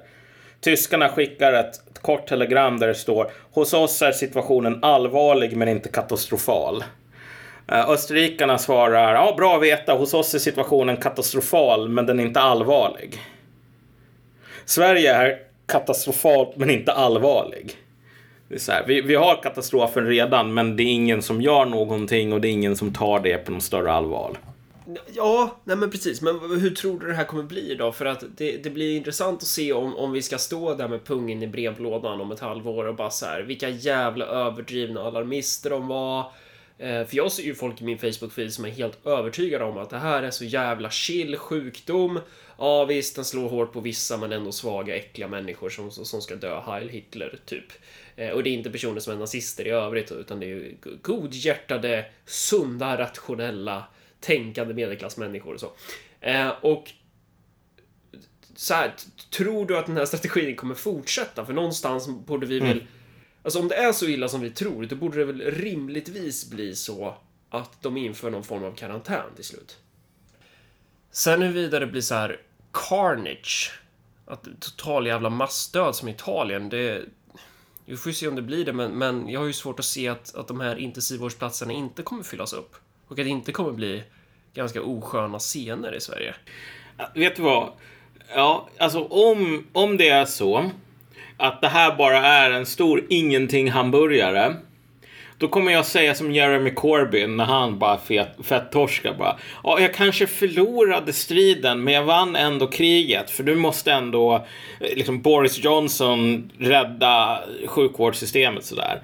Och I det här fallet så talar jag specifikt om att eh, om vi förlorar i vårt killgissande så kommer killgissningen som, som genre att ha vunnit totalt i ett sådant läge. Därför att det som man hör från folk inom vården det är bara att liksom förbereda er på Mad Max veckan efter påsk. Och om alla de har fel därför att det är egentligen ett par kronikörer på Aftonbladet och Göran Greider som är de sanna experterna. Jag menar, okej, då har vi etablerat den grejen att det är så här, från och med nu så är expertkunskap totalt värdelös. Men... Eh, För att, men- då borde det, naturliga från politiken borde väl då vara att vi kommer gå in i en karantän inom två, tre veckor då. Om inte annat för att de måste signalera någon form av PR-signal, typ. För att om, om det blir som... För det är så, är så sjukt. Alltså det är ju så sjukt. Det känns så jävla overkligt. Vi, vi gör ju tvärt emot alla länder. mm. Så får man den här informationen, jag får ju det också. Massa information från fronten bara. Hallå, folk dör här. Ja. Gör någonting. Och verkar- inget händer. Så det- om man fortsätter på spåret att inget händer. Då, då... Ja, vad fan händer då? Alltså, så här. Italien och Tyskland, att de rapporterar RO-NAT på 1 riktigt dåliga nyheter för den svenska regeringen. Därför att den svenska regeringens linje byggde ju på jävla häxdoktorn Tegnell och hans det finns jävligt mycket roligt med honom med typ hur hans kopplingar till vaccinindustrin med det här pandemi, vad det nu hette, svininfluensafiaskot och så vidare. Så den där killen är jävligt intressant apropå ingenting. Men hur som helst, häxdoktorn Mbeke Tegnell eh, sa att han hade konsulterat regngudarna här och de sa att det går inte att förhindra spridning i samhället. Det är omöjligt. Så antingen så kan man eh, ha massor med kostsamma åtgärder som inte förhindrar smitta. Eller så kan man göra som de upplysta svenskarna valda av Gud och göra ingenting. Och då får man smitta men man får en fungerande ekonomi. Uh, alltså vi vill inte ha massor med tyskar som förhindrar smitta. För då faller ena benet på den här tvåbenta pallen. Ovanpå det så är det så att ju, ju, ju mer det händer, två, två centrifugala krafter kommer att släppas lös i takt med att resten av Europa börjar få den här sjukdomen under kontroll medan Sverige inte får det. Den första centrifugala kraften kommer att komma i, internt. Den andra kommer att komma externt. Den interna kraften är att folk bara okej okay, jävla fittsossar varför låter ni massor med svenskar dö? Är ni så dumma i huvudet så att ni, ni, ni är, liksom inte vill ge upp er prestige trots att det kan rädda människoliv? Och den kören kommer att bli mer och mer svår att ignorera därför att det som sossarna illustrerar i den här krisen och i alla andra kriser den senaste tiden det är att de tänker på number one. Det socialdemokratiska mm. arbetarpartiet och dess framtid. Om det hotas, då är man beredd att inte ha restriktioner men man kommer att vara lika beredd att ha restriktioner därför att det är, inte, det är inte effekterna på vare sig ekonomin eller folkhälsan som är det primära, det prime directive för sossarna. Och det externa är då andra länder som stänger sina gränser till Sverige för att vi Exakt. är the walking dead. Alltså, ja, alltså, om Tyskland med näbbar och klor får ner sin RO0 till 0,85 eller 0,8 eller 0,7, vilket är möjligt att göra i Tyskland skulle jag nog säga. Det är min killgissning, eh, givet att de redan är nere på 1. Så länge som Sverige är typ långben som sitter och käkar majskolvar och inte kör bilen eh, så kommer gränserna till Sverige vara stängda. Därför att man kan ju inte låta massor med så här liksom Rebecca Weidmo är väl, det är inte statens business om jag åker runt på semester. Håll tassarna borta, jag får hålla på och sprida smitta om jag vill. Det är rasism mot stockholmare och säga något annat. Alltså det där kanske funkar i Sverige, men tyskarna bryr sig inte om rasism mot Stockholm. Men de säger så här, du kommer från ett clownland och du har ingen koll på om du är sjuk och du bryr dig inte ens om du är sjuk uppenbarligen. Um, stick härifrån. Och alltså kan du tänka dig vilken enorm prestigeförlust det är om folk börjar lägga ut sådana här fina bilder på Instagram på sin solsemester nere i Italien. Medan man i Sverige, man får inte ens åka till Åmål. Mm. Um, och alltså vilken prestigeförlust det kommer att vara för Sverigebilden. Denna heliga tingest. Ja, ja, för att om de nu ska, om de nu ska implementera karantän i efterhand de kan ju för fan inte vänta till hösten med det, utan då måste de ju, då måste, då kommer det ju vara så här mitten av maj, början av juni. Då kommer ja. karantänen. När det är som varmast och soligast och alla svenskar så här klöser och väser för att de måste ut och få sin enda chans till D-vitamin typ. Ja, men precis. Alltså, och det stora problemet är ju att det är fan, när folk håller på att säga var så himla stolt över den svenska strategin som typ PM Nilsson ja. i Dagens Industri. Bara att nu kan vi inte lätta på den unikt framgångsrika svenska strategin bara för att det håller på att dör fler människor i Sverige än i resten av Norden tillsammans. Uh, liksom för det första, ja den är unikt framgångsrik om man tänker sig att Tegnell håller på att skapa ett stort människooffer till Nörgel så att han kan bli en demonprins. Men, men jag, jag men... kan inte släppa det här med att, att det känns för självklart för att vara själv... Alltså, det vi pratar om, för att det, det måste, vi måste ju ha ett fel någonstans. Det kan ju inte vara så här. Det jo. kan ju fan inte vara... Ja. Jo, det, det, det, kan vara så alltså. Det här är Mr. Bones Wide Ride som vi är på just nu. Men grejen är att när det politiska trycket blir för högt, då kommer man att vara tvungen att genomföra restriktioner. För att återigen, poängen är att rädda sossarna, inte, det har aldrig varit att rädda ekonomin. Är det så vi ska förstå det här med dekret också? Ja, till stor del. Men grejen är att ju, ju längre in i den här kurvan som du börjar, desto svårare är det att få ner alltså, spridningstakten. Därför att allt det här snacket om eh, liksom immunitet. Så då är det karantän hela sommaren? Ja. Inte bara två, ja. Jo, alltså, och det, och det är det som är det ro, roliga med hela den svenska strategin. Det är som eh, Churchill till eh, vem det nu var, vad hette han nu? Chamberlain. Chamberlain, Neville Chamberlain. Ja, alltså att you were given the choice between war and dishonor. You chose dishonor and you will have war. Alltså att i valet att försöka ge uh, Hitler alla de här uh, eftergifterna så fick man ett krig med Nazityskland ändå. Men man var tvungen att ge alla eftergifterna. Vi, vi, vi i våran fas när vi säger att vi ska inte, vi ska rädda ekonomin. För att vi är rationella sossar och i Sverige, det enda landet som är rationellt, och bryr vi oss om ekonomin. Man kommer att lära sig två saker av det här, vilket är att det är omöjligt att ha en fungerande ekonomi mitt i en sån här jävla coronakris. Dels på grund av att folk inte kommer att gå ut och... I Italien, med restriktioner, så är det ändå så att på vissa ställen så blev de så överbelamrade så att alltså folk låg ju och ruttnade i sina egna hem. Liksom, så att likstanken spred sig i princip. De hade inte kapacitet att hantera det där. Alltså, kan du tänka dig vad likstank gör för folks vilja att gå och shoppa? Mm. Alltså, det, det, det, är inte hundra procent um, optimalt. Så att vi kommer att lära oss att dels så är hela den här tanken med att um, försöka rädda ekonomin genom att få gå ut och shoppa. Snubbla inte på alla bodybags.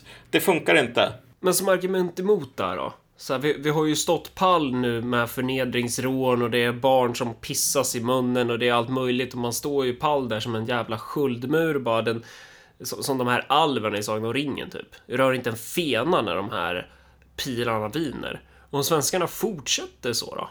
Om det är liksom att ja, nu, nu dör massor med människor. Vården är överbelastad, men folk fortsätter sina liv. Man går till utservering, man dricker sin öl, fler blir smittade. Man, man för att karantän ska bli relevant så krävs det väl en efterfrågan från folket på det. Ja, men app, app, app, nu gör du ju precis det misstaget som vi talade om tidigare så här. Alltså folk har satt stilla i båten i sären 30 år i, i Tsarryssland och de gångerna som det var lite upplopp och sånt där, då var det ändå inte så farligt typ. Det, det gick över. Och det är samma sätt som folk tänker så här i, i Europa just nu. Okej, vi hade så här raskravaller i Chemnitz som var enormt stora och som så här kravallpolisen inte vågade gå in på. Men det var ändå, det gick över till slut. Så det här, det, det är bara den långsamma elden. Och alltså, det, poängen är att när du är i det läget. Men är det omöjligt scenario? Nej, det är inte omöjligt. Det är absolut Nej. inte omöjligt. Men det är liksom så här. Alla gånger som vi har haft jädra smällar så har det inte varit omöjligt. Det har till och med varit stalltipset att det kommer att fortsätta så här. Grejen är att man vet aldrig när smällen kommer. Det är som eh, om man spelar någon sån här gammal roguelike. Varje gång som du går in i en ruta som det är mörker på så är chansen en på hundra att du dör av monsterattack. Mm. Du kan gå igenom fan hela spelet bara i mörker om du vill, om du är dum i huvudet. Eller så kan du gå in på den här rutan och första dagen, så, eller första turen, så blir du uppäten av en gru. Vi behöver gå in på det här med dekret också, sen tänker jag att vi skulle kunna avsluta, för då har vi ett bra tema på... Men, men det var ju snack om att regeringen skulle införa dekret, det var i fredags den nyheten kom tror jag. Sen fick man backa från det då, men, men, man ville kunna runda riksdagen, man ville kunna fatta, man ville kunna styra på egen hand i princip. Eh, men, men de fick inte med sig övriga oppositionen på det. Alltså, det, varför gör man så? För, för att jag tänker lite så här, vilken jävla opposition? Alltså vad är det de inte får igenom i riksdagen redan nu? Som de skulle kunna, som de måste ha dekret för? Vad är det som oppositionen har blockat just förutom dekret? Alltså det är väl inte som att Ulf Kristersson har ställt sig på tvären emot de åtgärder man gör. Det är ju inte som att Jimmie Åkesson är ute där för att bita huvudet av Löfven. Tvärtom, han sitter ju knät på honom. Mm. Hur, för hur ska man fatta den grejen då? Varför gör man det? Är, är det här liksom ett PR-trick? För det känns som att mer och mer Eh, jag får bara mer och, alltså det intrycket att det blir mer och mer teater. lite som vi pratade om i tidigare avsnitt, att man kommer börja hamra upp det teatrala i det här. Alltså få det att se ut som att man gör saker fast man kanske inte gör det. Mm. Jag menar, som, som en bra analytiker så kommer jag säga så här. Så att förklaringen är fem olika faktorer som alla är på något plan liksom motsägelsefulla så att de, någon av dem måste stämma ungefär. Nej, men, nej, men det, finns, det finns nog flera olika saker som spelar in här. Boomer-taken här måste ju vara att här ser vi de kommunistiska tendensen inom, inom sossarna och nu vill ha diktatur. Ja, och det är bara så här, nej, nej. Grejen är, här är grejen. En, en diktator normalt sett, som, som är en, en, en, en bra diktator i termer av lyckas som en diktator, är någon person som vill ha makt. Eller i alla fall vill använda makten. Så. Mm. Sossarna failar på det. Alltså, att hålla på och komma med långtgående teorier om att sossarna vill försöka kontrollera allting så här, totalitärt är totalt eh, bredvid målet. Därför att det enda sossarna vill göra det är att fortsätta lyfta löner. Det hade ju nästan varit bra om de hade velat kontrollera allt. Det är ju motsatsen till hur de är. De, de skyr ju makten. De är ju rädda för makten. Det är ju, det är ju jobb. Så, att, alltså det, så då, då återstår den andra bevekelsegrunden för den här sortens kontroll, vilket är att förhindra folk från att bli liksom dissidenter, förhindra konkurrenter och så vidare. Och visst, det kan vara en stark bevekelsegrund i sig. Men det är inte någonting som bär en hela vägen fram till målet normalt sett. Um, alltså för det, det som har präglat socialdemokratin genom inte bara den här krisen utan de tidigare som vi har haft de senaste 20 åren är ju mer eller mindre en känsla av My God, måste vi göra någonting nu? Vilket är samma sak um, som uh, typ alla dekadenta partier har. När jag var med på den här Hanif Bali-podden jag sa ju vid ett tillfälle, jag vet inte om det kom med, det kanske klipptes bort, men jag tror att det är med. Jag sa ju att det stora problemet som Moderaterna har, det är att alla tänker, ingen litar på Moderaterna, för när de tänker att Moderaterna ska göra någonting, då tänker de att Moderaternas hållning är att jag gör så lite jag kan, så sent jag kan och kommer jag undan med det så gör jag ingenting. Så när, eh, jag vet inte vad, när alfahanen Ulf Kristersson går ut med någon pickadoll och säger hårdare tag. Då filtrerar alla det igenom. Okej, okay, Ulf Kristersson menar så mjuka tag som jag kan, så lite som jag kommer undan med och helst inget alls. Och sen kommer Ulf få kritik från Anders Lindberg och skriva Ulf Kristersson anspelar på nazistisk retorik. Och då så kommer Ulf och eh, hela hans team och be om ursäkt. Ja, precis. Då kommer man ta bort bilden, pudla eh, och så... Alltså vet du vad, alltså, vi ska inte hålla på, vi ska inte hålla på och driva med kax nu. Därför att det här är, det här är en helt legitim kink. Om man vill vara en jävla cuckold politiskt, varför ska vi hålla på och döma det? Man kommer bara bli, eh, se på medans ja, typ allting går åt helvete framför ögonen på en. Men det finns vissa människor som uppenbarligen njuter av det. Så liksom, vi ska, det är 2020 nu, Marcus. Men ja.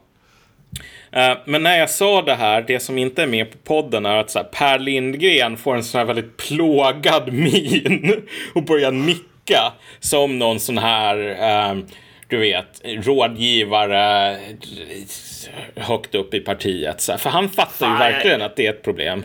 Jag gillar honom. Ja, ja. Fan vad jag gillar den podden. Den är, förutom nu! Jävla fitt-Harny får ju börja typ göra någon form av äckliga smaskljud när han ska svälja. Vad är ja. grejen? Det, det, det, var inte så här förut, eller så är det min hjärnskada som har blivit värre. Men att det liksom... Settle down Beavis.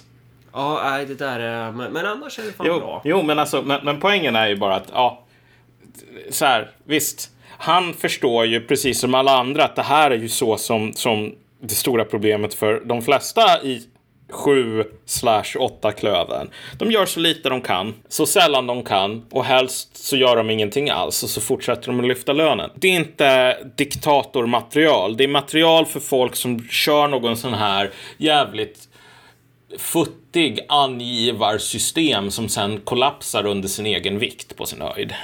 Alltså, så den här boomer, boomer-hysterin, den kan vi ju bara avfärda. En sak som man kan använda sådana här dekret till, som det kan finns en risk för, är ju att man får någon sån här ny eh, motsvarighet till näthatsgranskaren. Och så ska man försöka sätta lite invandringskritiska pensionärer bakom lås och bom för att försöka stävja, eh, jag vet inte vad, det folkliga missnöjet. Det är väl ett område man skulle kunna slå ner på, alltså just narrativet, för det, det blir väl mycket mer värt.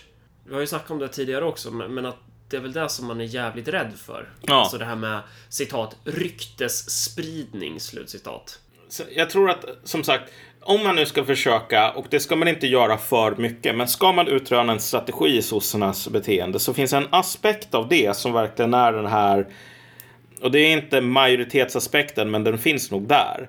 Att den här sortens dekrets um, möjlighet är användbar om man ska genomföra förslag som ämnar kanske att rädda partiet snarare än att rädda landet. Därför vill man rädda landet då är inte riksdagen något hinder idag. Um, och alla problem som finns med att snabbehandla saker så här, skriva en lag på 20 timmar. Du vet slarv, ogenomtänkta utfall och sånt där. Det finns ju med utfärda ett jävla dekret också. Så kan man snabbehandla saker i riksdagen um, på ungefär lika lång tid. Då finns det ingen anledning i liksom, nationens intresse med dekret. Mm. Men däremot om man ska försöka idka lite informationskontroll på olika sätt och vis så att folk inte sprider allt för mycket rysk propaganda som kan påpeka att socialdemokratin och januariregeringen har fuckat upp det här på alla sätt och vis, hållit på och um, ignorerat massor med information och bla bla bla sådär. Ja, då är det här bra. Um, därför att, ja, som sagt, det är ingen i riksdagen som kan stoppa det annat än i efterhand. Så det är den första punkten. Den andra punkten är att jag tror att man är nog lite inne i den här fasen som när Hitler börjar beställa sådana här olika totalt fantasivapen. Ja, den här jättestora kanonen som skulle som man körde på räls. Eller den ja, men alltså, den jättestora kanonen, Schwere Gustav, var ju inte ett fantasivapen egentligen, utan det den här stora rälskanonen, det var ju en jättestor kanon som man körde på räls och som man använde för att spränga sönder fästningar. Och man byggde ju den för att spränga sönder Maginotlinjen. Så den gjorde ju sitt jobb. Den var liksom inte feltänkt. Den var nog ganska ineffektiv och jävligt dyr. Men, men, men det var nog ingen som sa bara att det här, det här är en feberdröm. Men mot slutet var det ju så att man skulle designa pansarvagnar som var så här mobila fästningar och liknande. Eh, och ingen person, medan man tog fram planerna på dem och så vidare. Och i, i ett fall en prototyp på den här supertunga pansarvagnen som man döpte till Maus. Alltså ingen trodde att den här skulle funka i strid. Men det var bara Hitlers fixa idé för att alltså försynen skulle rädda dem på något plan. Du, du har väl sett den här, det här klippet på vänsterpartisten från Degerfors såklart. Givetvis är han från Degerfors. Eh, Peter Pedersen, vad fan han heter. När han, eh, nej, men när han brainstormar lite om, vad är det han vill bygga? Han vill bygga en evighetsmaskin typ. Eller det är mm. så här hur man skulle, dynamo. Det, jag vill aldrig bli så. Nej, nej men När exakt. jag blir så, skjut mig då. Men som sagt, om man har soppatorsk intellektuellt politiskt. Det som händer är att man börjar brainstorma. Och då börjar man ta och bara kastar everything in the kitchen sink på ett problem och så kommer det massor med idéer som är som pusselbitar som inte passar ihop med varandra. Och eh, jag tror att den här, det finns en sån aspekt hos det dekret att det är bara en ball grej. Alltså vi måste visa någon sorts handlingskraft. Men jag menar, det är fan att visa handlingskraft och typ gå och ta en kopp kaffe därför att man har utfört en handling som gör att man kan dricka kaffe. Men i, i en krissituation så är det inte handlingar eh, su generis eller bara generiska handlingar snarare som, som spelar någon roll. Utan det är så här, handlingar ämnade åt att faktiskt se till så att färre människor dör. Man vill framstå som handlingskraftig. Um, men man har inga handlingar att passa in här. Så det är någon form av panik då? då? Ja, till stor del. Alltså man har en jävligt svår balansgång att gå just nu. Därför ja. att ju mer det kommer goda nyheter från Tyskland, desto mer blir den här linjen ohållbar. Men om man byter över till att försöka ha hårda restriktioner, då kommer Sverige nog att bli det landet i Europa i alla fall som har alltså den, den absolut allra hårdaste kalhygget av sin ekonomi kvar. Mm. Därför att ju tidigare du går in med restriktioner, desto mindre har smittan redan spridit sig och desto enklare är det att tvinga ner spridningsgraden. Så mm. väntar du Liksom, väntar du ett par veckor till så behöver du hålla på en månad till eller någonting totalt. Mm. Uh, det är inte bara det är som med migrationen då också. Ja. Så det är inte bara att, att om du väntar... När man väl väntar så, så måste man gå in mycket, mycket hårdare. Ja. För man, det, det sprider, ja. Det, Sverige är inte så att okej, okay, vi har väntat tre veckor, vilket betyder att våra restriktioner kommer att ta slut tre veckor senare än alla andra. Utan det kommer att ta slut längre än så om man vill uppnå samma effekt. Um, och återigen, chansen att... Nu, nu är det här verkligen off the cuff, men alltså jag tror inte chansen är hög alls. Att sossarna klarar av att hålla den kursen man har slagit in på. Alltså med att, okej, okay, vet du vad? Det här var en skitdålig idé och tusentals, tiotusentals svenskar kommer att dö som gick att rädda. Men nu kommer vi få det sämsta av båda världar om vi försöker byta. Så nu får vi det sämsta av en värld. Alltså för att kunna fatta det beslutet så måste sossarna eh, ta fram någonting som de inte ännu har, vilket är en ryggrad, vilket är en förmåga att sätta någonting annat än det socialdemokratiska partiet i första rummet. Vilket, det är så här, lycka till! Ja, men varför, varför skulle de göra det? Det tjänar ju inte de på som person. Alltså det, det, är en jävla bra tid att börja nu. Mm. Och börja få så här samvete, typ.